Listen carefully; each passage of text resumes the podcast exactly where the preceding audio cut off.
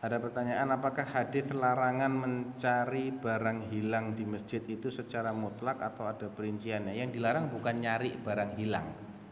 Tapi mengumumkan saya kehilangan uh, jam tangan. Siapa ya yang melihat jam tangan saya yang hilang? Itu namanya insyadul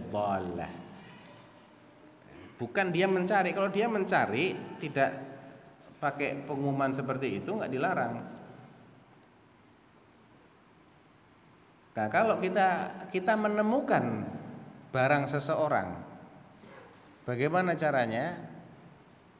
Buat saja di papan pengumuman di luar masjid, barang siapa kehilangan silahkan hubungi nomor ini.